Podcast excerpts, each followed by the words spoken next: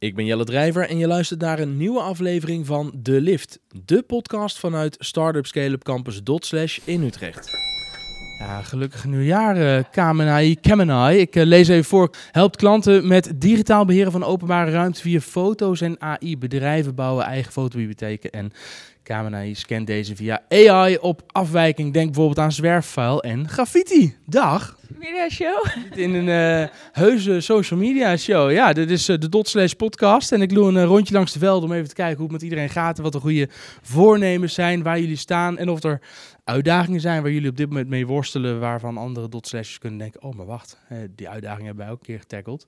Daar kan ik wel mee helpen. Oh, er zit iemand in de call. Ik ga een tikje, volume tikje naar beneden. Ja, dat is goed. Loop even mee de gang op. Hoe gaat het? Ja, lekker. Nou, we hebben afgelopen jaar nodige nieuwe klanten aangetrokken. Zijn uh, de pilots langzaam aan het omtunen naar daadwerkelijke contracten.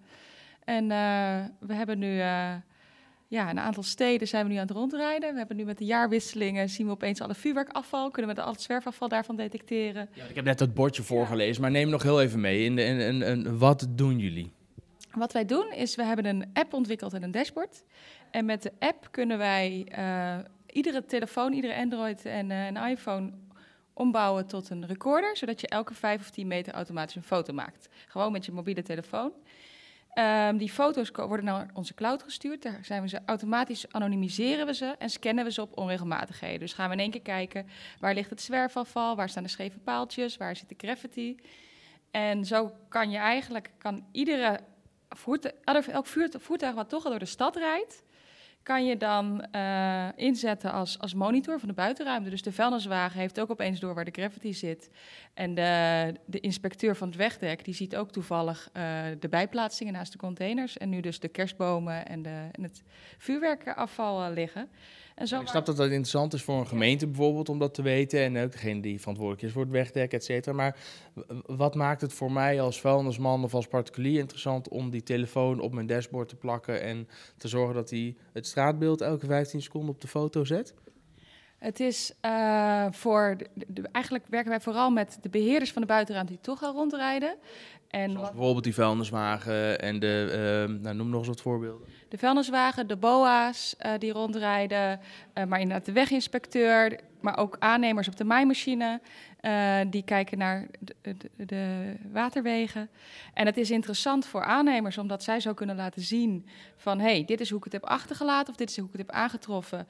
Het is interessant voor de gemeente, zodat ze kunnen zien hoe ontwikkelen dingen zich. Heeft de aannemers hun werk goed gedaan, maar ook hebben we inderdaad meer zwerfafval door corona? Is het inderdaad erger in de zomer uh, met de pizzadoos in het park of niet? En dat je dus ook naar politiek kan laten zien, dit is hoe de ontwikkelingen zijn. En uh, het wordt erger of het wordt niet erger of we zijn alleen maar meer aan het klagen, maar het is nog steeds hetzelfde als vijf jaar geleden. Uh, dat soort uh, ontwikkelingen zien we. En de vuilniswagen heeft er eigenlijk helemaal geen last van, want het is een kastje in zijn die in zijn auto hangt. En elke paar meter maakt hij een foto, maar hij hoeft hem nooit te starten of te stoppen. Hij hoeft, heeft er geen omkijken naar en hij start automatisch zodra hij begint met rijden. Dus het is vooral om geen extra meters te maken en meer efficiënt gebruik te maken van de middelen die je al hebt.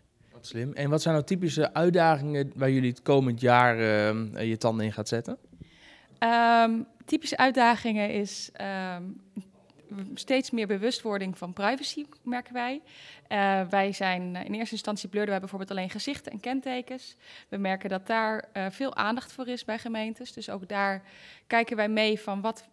Kijk, we zijn sowieso AVG-proef. We doen alles volgens de wetgeving. Maar we merken ook dat veel gemeentes aan het struggelen zijn met wat wil ik nou, uh, wat wil ik nou en waar zitten mijn ethische grenzen en hoe moet ik dat nou gaan verkopen aan mijn, mijn bewoners? En heel veel mensen denken, oh nee, AI, slim, um, gaan ze straks de hele wereld overnemen? Gaan ze straks ook zien als ik wat, bij de, wat naast de vuilnisbak plaats, krijg ik dan automatisch een boete?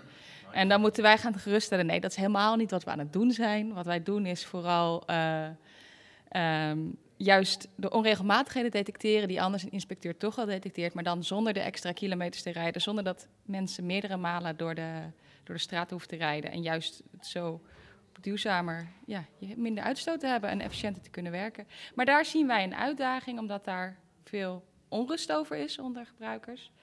En voor de rest zijn wij hard bezig met het verder uh, ontwikkelen van algoritmes. Dus wij hebben nu zwerfafval. Maar wij willen heel graag aan de slag met exoten. Uh, dat je berenklauw, een Japanse duizendknoop kan gaan herkennen in de waterwegen. Uh, we hebben nu ook net uh, live dat maaimachines uit zichzelf de beelden die zij toch al schieten naar ons toesturen. Dus dat het niet meer elke vijf of tien meter met een mobiel hoeft. Maar dat er echt voertuigen zijn aangesloten op onze, onze cloud.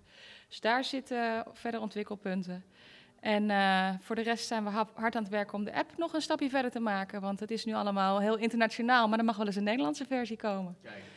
Welke, uh, bij welke uitdagingen zouden dot slashers, nee laat ik het anders hoe zouden andere dot slashers jullie kunnen helpen? Met kennis of op wat voor manier dan ook?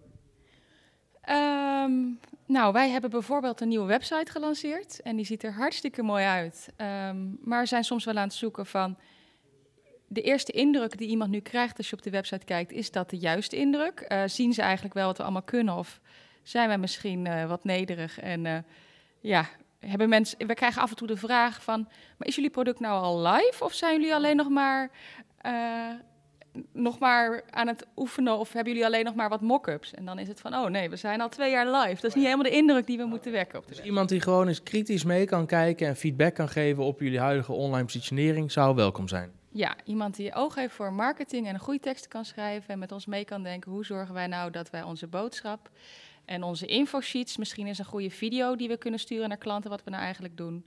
Zodat als iemand vraagt, stuur eens wat informatie op de mail dat we ook informatie hebben waarin ze gelijk overtuigd zijn. Daar zouden wij mee open zijn. Nou, als je dit nou hoort en je denkt, hé, hey, maar diegene, dat ben ik. En daar wil ik wel eens een keer uh, wat tijd voor vrijmaken voor uh, mijn uh, buurvrouw bij Kemenai. Vierde etage van gebouw 400, Westvleugel. Dan het eerste kantoor in je linkerhand. Loop er zelf even heen of meld je bij mij, bij Jelle. En dan breng ik jullie met elkaar in contact. ik hou je niet langer op, zet hem op. Dankjewel en de beste wensen. Doei! Deze podcast wordt net als veel toffe dingen die we hier doen trouwens, mede mogelijk gemaakt door de corporate partners van Dotslash. Capgemini, gemeente Utrecht, Deloitte, Rabobank, SAV, Philadelphia en NL Groeit. Volg ons op LinkedIn en Instagram via Dotslash Utrecht. Vergeet niet te abonneren, liken en delen. Zo help je deze podcast en dus de Dotslashers aan bekendheid bij een nog breder publiek. Dank je wel.